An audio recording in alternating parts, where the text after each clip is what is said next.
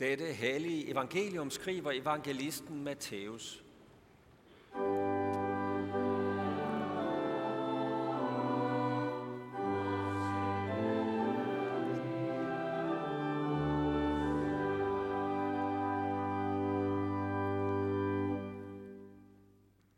Jesus sagde, en disciple står ikke over sin mester, og en tjener ikke over sin herre.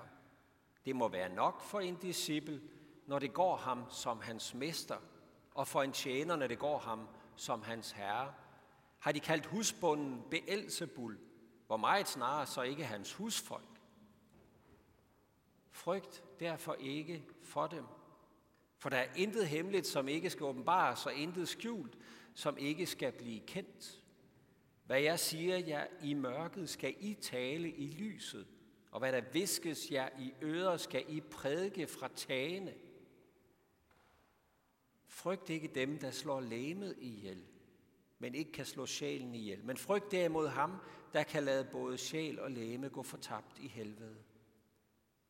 Sælges ikke to spore for en skilling, og ikke en af dem falder til jorden, uden at jeres fader er med den.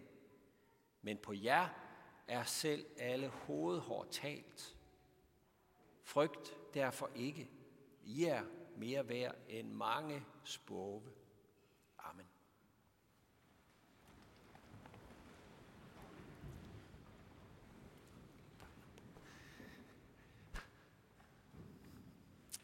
Det må være nok for en disciple, hvis det går ham som hans mester. Det må være nok for os, hvis vi kommer ud fra noget af det, som Jesus måtte mærke på sin krop. Jamen, øh, hov, det lyder da ikke helt som det billede af Jesus, der råbes ud fra tagene i vores tid i store dele af verden. Jesus som vejen til succes og fremgang og sejr, til vækst og rigdom og velstand. Jesus som døren ind til et godt helbred og fred og fordragelighed og et lykkeligt liv. Jesus lovede os ikke nogen af delene. Det budskab, Jesus vil, at vi skal råbe ud fra tagene, og som skal nå alle ører, også vores nabos ører, det er et andet.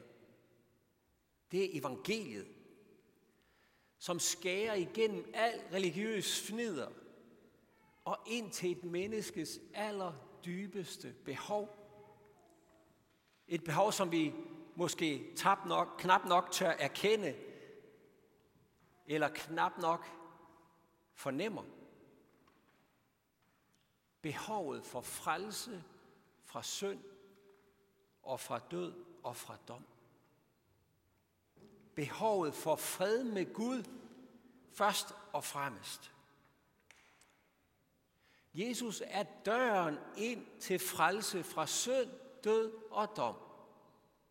Og vel og mærke forstået sådan, at vi i det her liv stadigvæk kommer til at kæmpe mod synd.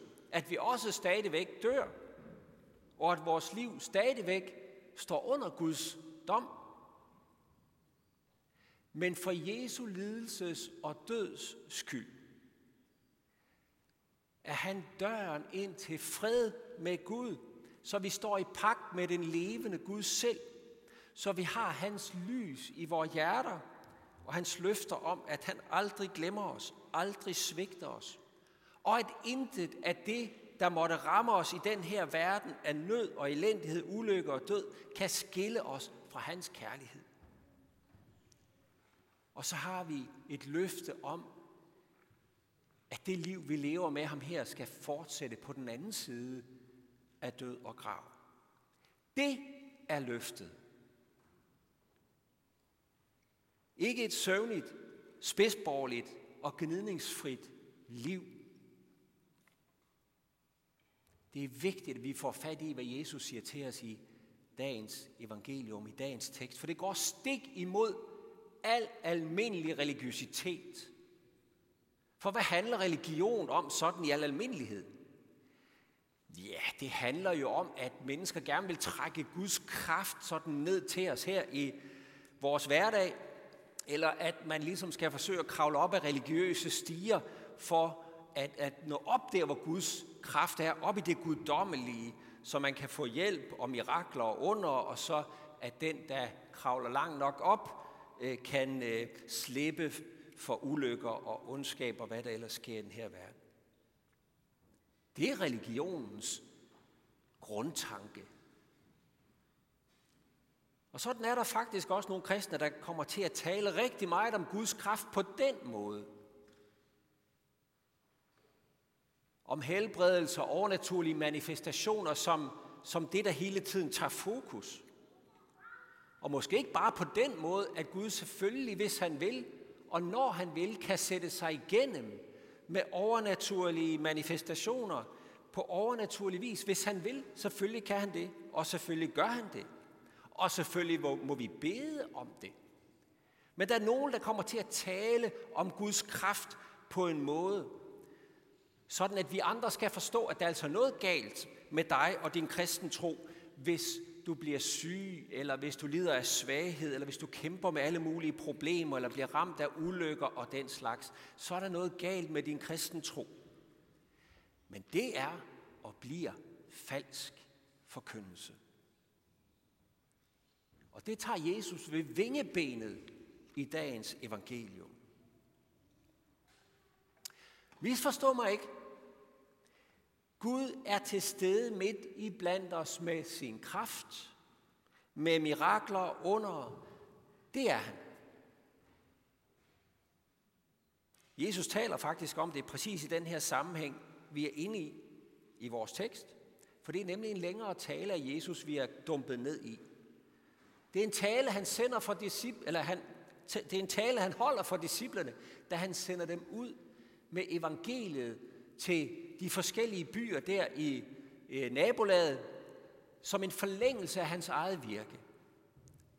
Og de får det samme budskab, som Jesus prædiker, og den samme kraft, som Jesus virkede med. Han siger til dem, gå ud og prædik. Himmeriget er kommet nær. Helbred de syge. Opvæk de døde. Gør spedalske rene. Driv dæmoner ud. I har fået det for intet. Giv det for intet. Men det er alligevel noget helt andet end religionens optagelse af at bruge Guds kraft i vores eget liv. Her der tjener de her under og overnaturlige indgreb evangeliet. Guds kraft står her i tjeneste for næsten for evangeliet, der skal nå længere ud. Og det skal tjene det budskab, de forkynder. De skal prædike, at Guds rige er kommet nær. Det er det, der skal råbes fra tagene. Guds rige er kommet nær. Du kan komme ind i Guds rige. Det, der skal råbes fra tagene, det er ikke, kom her og få noget af Guds kraft og blive helbredt. Det er ikke evangeliet. Læg mærke til, at sådan var det også, da Jesus før pinsedag sagde til disciplene, at de skulle vente i Jerusalem til Guds kraft kom over dem. Og så skulle de gå til jordens ende med evangeliet. Og da pinsedagen så kom, og Guds ånd tydeligt slog ned, hvad var så Peters budskab til de mennesker, der oplevede det? Det var ikke, kom og fordele Guds kraft og få adgang til lykke, velstand og helbredelse. Nej, hans prædiken, den var sådan her. Omvend jer,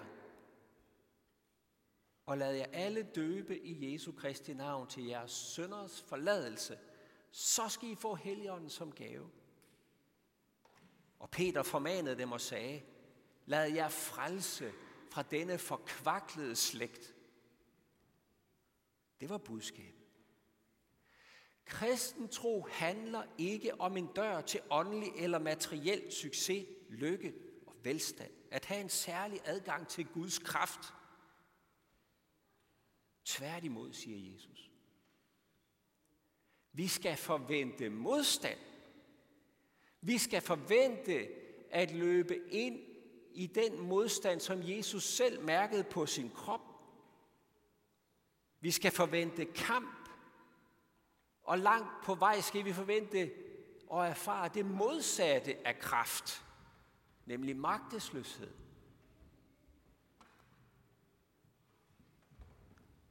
Det var også de første kristnes erfaring, hvis vi tænker efter.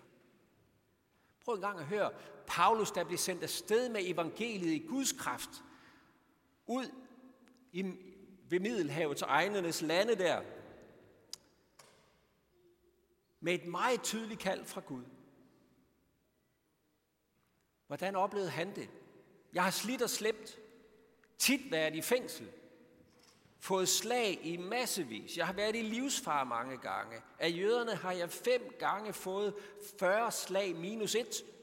Jeg har fået pisk tre gange. Jeg er blevet stenet én gang. Jeg har lidt skibbrud tre gange. Jeg har drevet rundt på det åbne hav i et helt døgn. Ofte på rejser, i far på floder, i far blandt røvere, i far blandt mit eget folk, i far fra hedninger, i far i byer, i far i ørkner, i far på havet, i far blandt falske brødre. Jeg har arbejdet og slidt, haft søvnløse nætter, lidt sult og tørst, ofte fastet, døjet kulde og manglet klæder. Hvor blev miraklerne underne af? Nej, det var jo ikke det, vi skulle forvente. Paulus skriver til Timotheus om noget, han skal gøre. Han skal tage noget vin for sin mave, fordi han led nemlig ofte af sygdom. Jamen, hvor blev Guds kraft og mirakel af da? Og Paulus taler om den tårn i kødet, som han kæmper med, og bad Gud fjerne. Fordi det var da så pinligt, uanset hvad det nu var, vi ved det ikke. Men han fik det her svar. Min nåde er dig nok. I magtesløshed udfolder min kraft sig helt. Det er en helt anden måde at tænke Guds kraft på,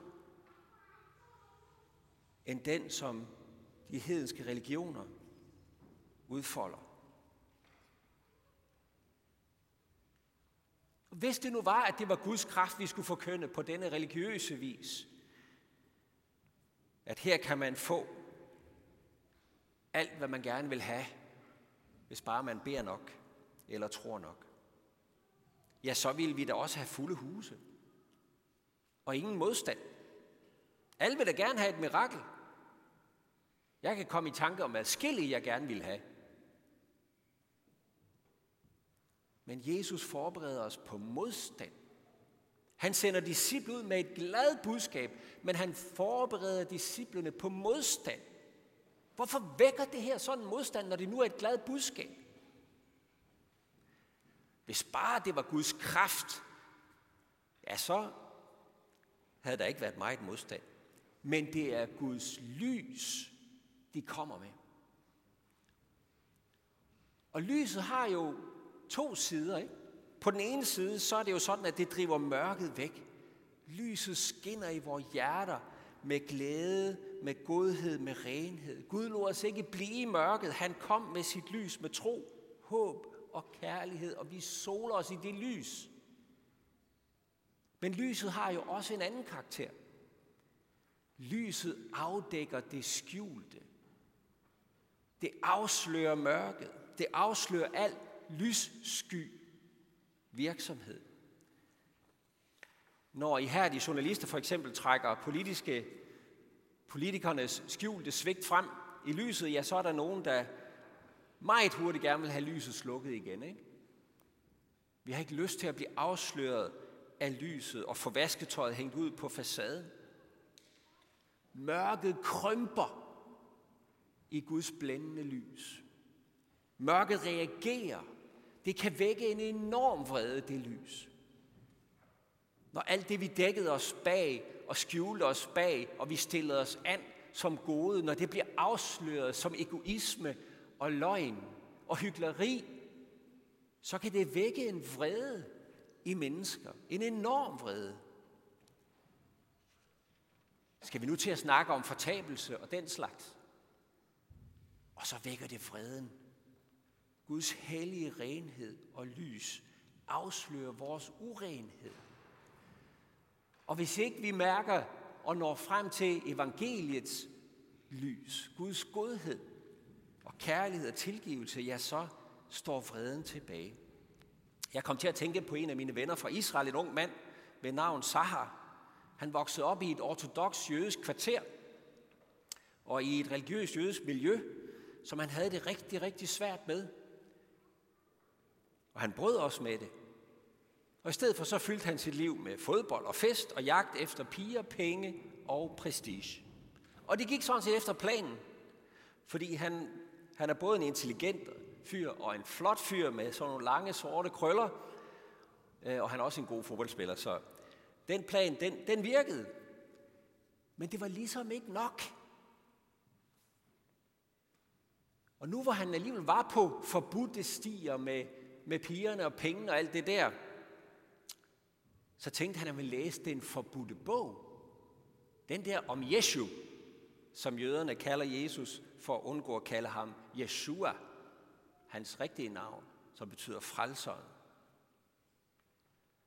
Og han slår op i det nye testamente, og det han siger, det er, at her fandt jeg et blændende lys.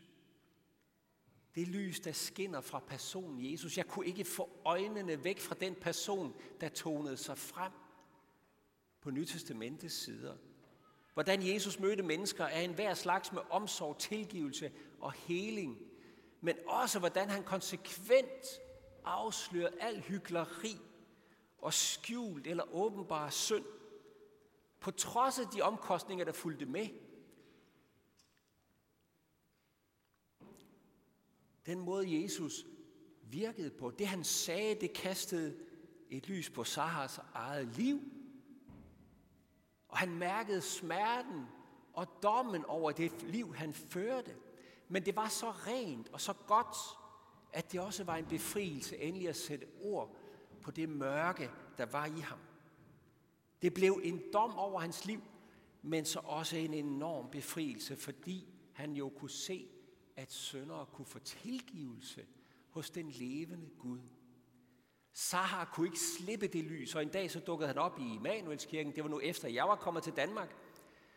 Ned i Jaffo for at lære mere om Jesus og blive døbt og følge ham og få det lys lukket ind, og det er stadigvæk det, der beskæftiger ham hver eneste dag. Lukke lyset ind og lukke det ud til alle dem, der har brug for det, uanset omkostningerne. Der var venner, der skred. Der var fordømmelsen og vreden fra det omgivende jødiske samfund.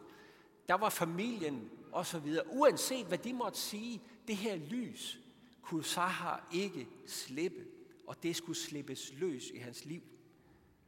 Og han studerer til at blive præst i dag, for det her evangelium, det skal råbes ud fra tagene. Koste hvad det koste vil. Det er det, vi kaldes ind i og leve i Guds kærlighedslys og dele ud af det. Det evangelium, der viskes os i ørerne af Guds hånd, skal vi råbe ud fra tagene. Og det lys, vi har fået, skal ikke sættes under en skæppe, under en spand.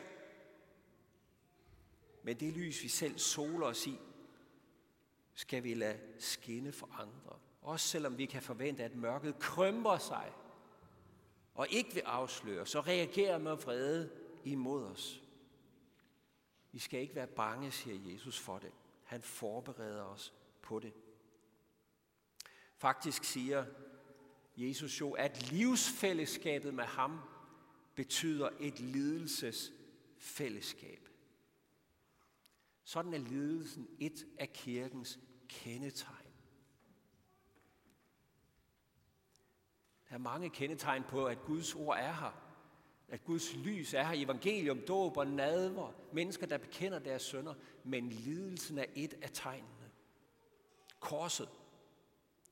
Martin Luther siger det ligefrem sådan her, menigheden vil altid i det ydre være fattig, foragtet, syg og svag. For i magtesløshed udfolder Guds kraft sig jo ikke.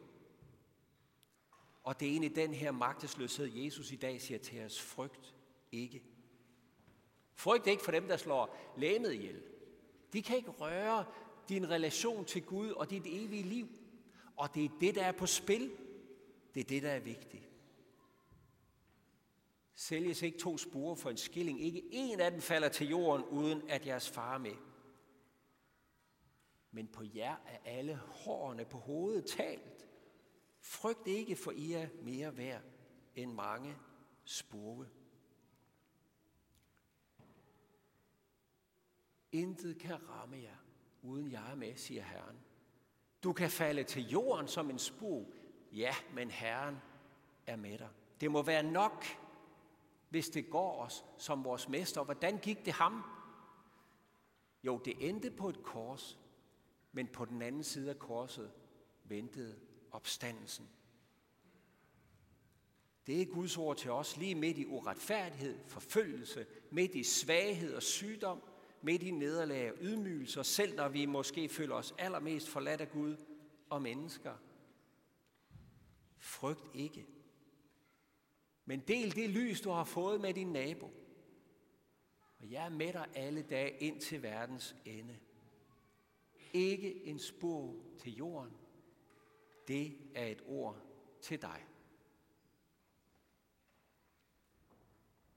Lov og tak og evig ære være dig, hvor Gud, Fader, Søn og Helligånd, du som var, er og bliver en sand treenig Gud, højlovet fra første begyndelse, nu og i al evighed. Amen. Vi vil rejse os og tilønske hinanden. Hvor Herre Jesu Kristi nåde, Guds kærlighed og Helligåndens fællesskab være med os alle.